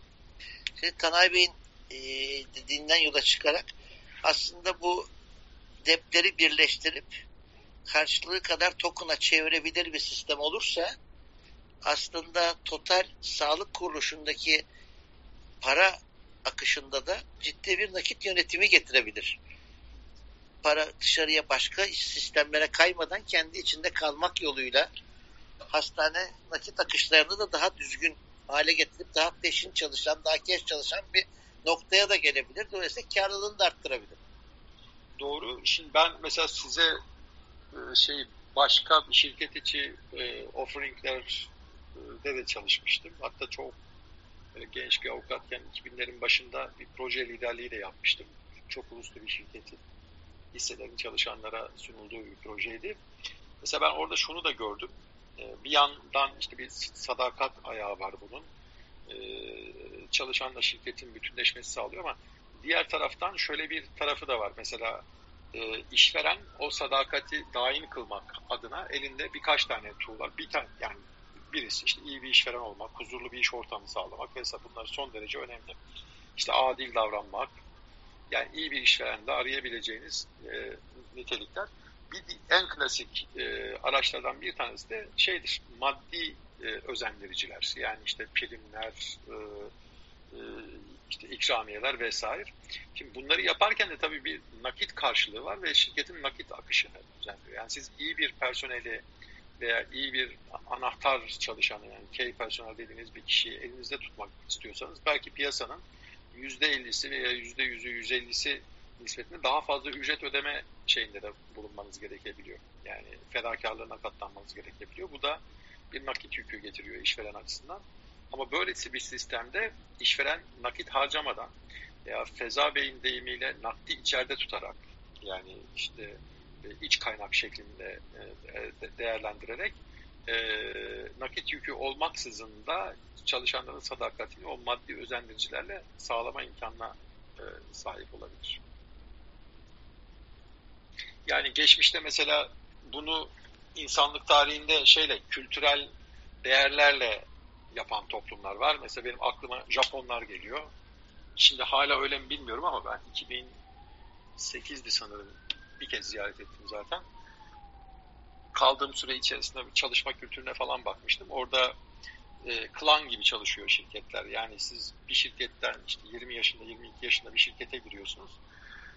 2 sene sonra veya 5 sene sonra o şirketten ayrılıp başka bir şirkete geçtiğiniz zaman size kötü gözle bakıyorlar. Kötü yola düşmüşsün gibi bakıyorlar. Yani o şirkete girdiğinizde bir klan, tribe veya bir aşirete mensupmuşsunuz gibi orada devam etmeniz gerekiyor. Ne zamana kadar? Emekliye kadar. İşte Japon toplumu bunu e, kültürel kodlarla sağlamış. Dediğim gibi şu an oradaki durum bilmiyorum. O geçişkenlik seviyesi nedir ne değildir ama 2008'de de hala etkiliydi. Yani yerinde yaptığım görüşmelerde falan bunu hissedebiliyordum ben. E, bugün ise işte biz nelerden bahsediyoruz? İşte e, tokenlarla bu sadakatin sağlanması yani maddi özendiricilerin e, bu, tür kripto varlıklar e, yoluyla sağlanmasını işte tartışıyoruz. Bakalım gelecek bize daha neler getirecek. Ee, yakın ben buna biraz benzeyen bir şey paylaşmak istiyorum. Yakın zamanda belki NFT'leri duydunuz mu bilmiyorum. Non-Fungible evet. Token diye geçiyor. NFT'leri genelde günümüzde şeyle görüyoruz. Böyle belli JPEG'lerin, belli işte sanat eserlerinin e, kopyalanamaz dijital eşleri olarak görüyoruz. Ama ben yakın zamanda NFT'lerin şöyle bir uygulamasını gördüm. Hatta belki Murat Bey biliyordur. Çünkü şeyle ilgili e, intellectual property ile alakalı e, bir DAO yani merkezi olmayan otonom organizasyon Decentralized Autonomous Organization diye geçiyor. Bir DAO e, araştırmaya fon, şey fonlamak için DAO kendi içinde bir araştırmayı fonlamak istiyor. E, fonladığı araştırmada e, uzun yaşamla alakalı araştırmaları fonluyor bunlar. Vita DAO diye bir DAO. Bir araştırmacının araştırmasını fonluyorlar ve araştırmacının e, araştırma sonuçlarını yazdığı makalenin e, şeyini alıyorlar NFT olarak. E, ne diyelim ona mülkiyet hakkını, fikri mülkiyet hakkını alıyorlar ve orada bir e, şey bekliyorlar. E, bununla alakalı bir patent e, şeyini bekliyorlar. E, patenti de patentten gelen gelirlerin bu VitaDAO içindeki fonlara aktarılmasıyla alakalı. Yani VitaDAO'da olan insanlar oy veriyorlar insanların araştırmalarına belli e, kriterlere göre. Belirlenen e, araştırmayı fonluyorlar. Araştırmanın sonucunda çıkan e, makaleyi ya da şeyi e, hmm, nasıl diyelim o formülizasyon artık fikri hakkı var. belki diyebiliriz. Evet fikri hakkı diyelim daha doğru. Patenti de NFT olarak e, DAO'nun e, hazinesine geri koyuyorlar mesela. Böyle çok ilginç bir şey. Yani bilimsel araştırmanın da e, farklı bir fonlama metodu olarak aslında karşınıza çıkıyor. Yani böyle ilginç uygulamaları var tokenleştirmenin. Evet yani orada şey telif olsun, patent olsun yani fikri veya sinayak olsun blockchain'de çok fazla kendine yer buluyor. Oylama sistemini bahsettiğiniz oylama sistemi duymuştum. Bir farkın bir farklı olarak şunu da duydum. Ee, yargılama sistemi blockchain üzerinden yargılama sisteminde işte konudaki uzmanlar belirleniyor ve uzmanlar işte örnek konuşuyorum. Bu patentte işte bir tecavüz var mı yok mu konusunda beraber çalışıyorlar. İşte bizdeki bilirkişi gibi düşünün. Üç tane işte yargıç var. Bunlar çalışıp bir e, karar veriyorlar. Bu karar örnek olarak siz olumlu dediniz. Ben iki kişi beraber olumsuz dedik yani tecavüz yok dedik. İşte karar orada şey çıkıyor. Olumsuz çıktıysa olumlu görüş verene örneğin oradaki ücret yani bitcoin ya da işte yer tokenlerle verilecek olan ücret verilmiyor. Yani aslında şey orada telif, daha doğrusu fikri ve sinayaklarla gibi blockchain'de böyle e, mesela telif tarafında şu çok ön planda konuşuluyor. E, bu middleman'den hep ortadan kalkması. Yani bugün bir sanat icracısını, bu işte şarkıcı, söz yazarı, besteci, yazar, ressam ne e, söylerseniz bunların sahibi olması gereken telif haklarını şu anda ancak %5'ine %10'una sahip olabildiklerini gösteriyor. Örneğin bir arkadaşım albümü çıkaracak. Toplamda albümün değeri işte örnek olarak söylüyorum 4 milyon ama e, arkadaşım telif haklarından sadece o müzik e, o müziği yaptığı bilgisayarı yenilemeye yetecek kadar yani birkaç bin dolar ücret alabiliyor. Blockchain'de bu telif hakların biraz daha adil dağıtımı söz konusu olabiliyor. Da galiba hep böyle şey, hep oraya bağlanıyor en azından benim baktıklarımda. Şimdi middleman dediğimiz olayın ortadan kalkmasına bağlanıyor. Bu işte sözleşmelerde noterlerin ya da çalışanların aradan kalkması, işte telif haklarında aracı kurumların bir şekilde ortadan kalkması. Bir şekilde evet, intellectual property konusunda evet yani dediğiniz gibi blockchain kendine çok fazla yer bulacak gibi ama hani blockchain dünyasında e, bizim dünyamıza ait olan patentin tartışılması bir şekilde orada uyuşmuyor yani terminoloji uyuşmuyor. Çünkü patent bu dünyaya ait olan bir şey. Ee, orada nasıl bir koruma gelecek ya da işte tamam open source mu gelecek? Bunlar hala hazırlık aşamasında ama E, belki bir sonraki toplantıda blockchain ve IP gibi bir şey konuşabilirsek orada çok enteresan örnekler verilebilir. E, teşekkür ederim şeyiniz için de. E, açıklamanız Murat. Bey bir sonraki oturumun konusunda önermiş oldu. Eğer itiraz yoksa veya daha iyi bir önerim var diyen yoksa e, akıllı sözleşmelerin işte IP tarafındaki kullanımını konuşabiliriz bir sonraki şeyde. IPC olduğu için de büyük oranda Murat Bey'in katkı sunmasını bekleyeceğiz. Böyle ilginç bilgiler bize vermesini bekleyeceğiz. Ya ben Öyle örnekleri arzu ederseniz tabii ki getirip e, şey yapabilirim, paylaşabilirim. E, Çok iyi olur. Ben tabii anlatırım ama muhtemelen e, e, fikri ve Bizler de sorularımızı sorarız size. Tabii yani tabii ki ve sanırım şeydi e, işin sanat tarafı, sanatçı tarafı da belki bu konuya ilgi de gösterebilir. Onlar da çünkü özellikle bu pandemiyle beraber sanatlarını bir şekilde icra edemez. Daha doğrusu icra edilmesine ediliyor ama işte sinemalar kapalı, müzeler kapalı, konser alanları kapalı, e, resim sergileri kapalı. Geçen yıl e, 2020 yılında dünyada toplam e, sanat eserlerine harcanan toplam e, para yüzde yirmi oranında düşmüş. E, bu tabi hani çok büyük o koleksiyon sahipleri açısından belki bir şey ifade etmeyebilir ama e, özellikle küçük ve orta dereceli sanatçılar da bu yüzde yirmi muhtemelen yüzde kırk, yüzde elli olarak cereyan etti. Yani insanlar ürettiklerini paylaşamadı, satamadı. Burada blockchain birkaç tane şey getiriyor, çözüm getiriyor. İşin patent, işte tasarım, faydalı model, makale, makale pardon, patent, faydalı model, tasarım ve e, markalar konusunda biraz daha farklı örnekler var. E, Ben böyle birkaç şey e, özetleyip belki Çok güzel e, olur. sonraki toplantıda belki sizlerin Çok de güzel olur. çekebilir. Ama takviminize de koymanız lazım ki e, Tabii. şey bir şey şaşmasın. Çünkü büyük oranda size güveneceğiz o noktada. Tamam. E, saati de 10 yaptık hatta geçtik. Eğer başka sözü olan arkadaşlar varsa buyursunlar. Değilse yavaş yavaş kapatalım. Bir değinmediğimiz konu kaldı belki. Ee, bu da fintech'te genellikle ee, en çok yaşanan şey veri ihlalleri yani güvenlik problemleri.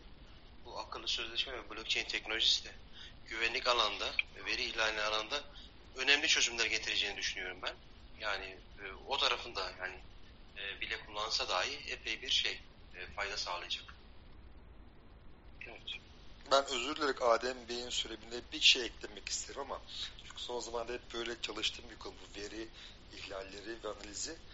Ee, aslında blockchain sanki benim gördüğüm kadarıyla verinin gizli kalması ya da saklanmasından ziyade proses edilmesine daha e, yakın duruyor.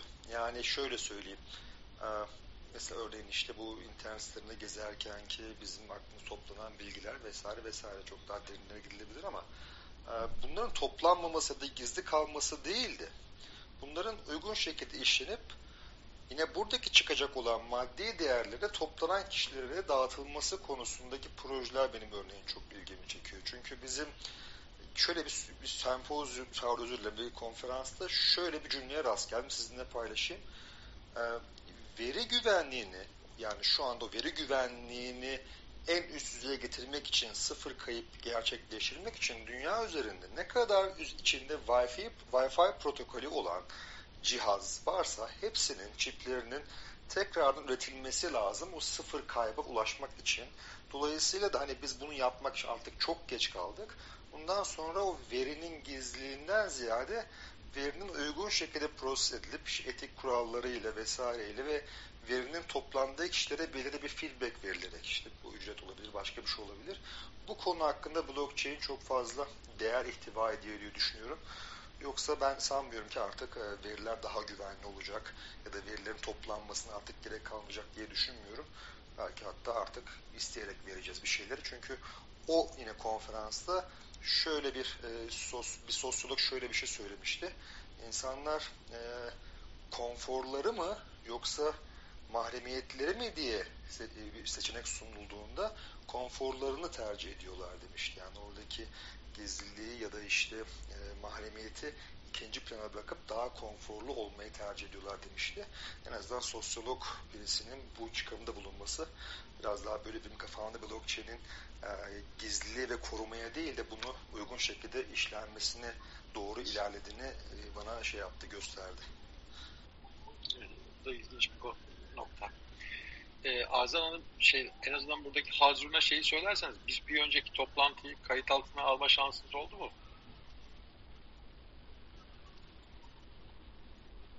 Azan Hanım yok herhalde.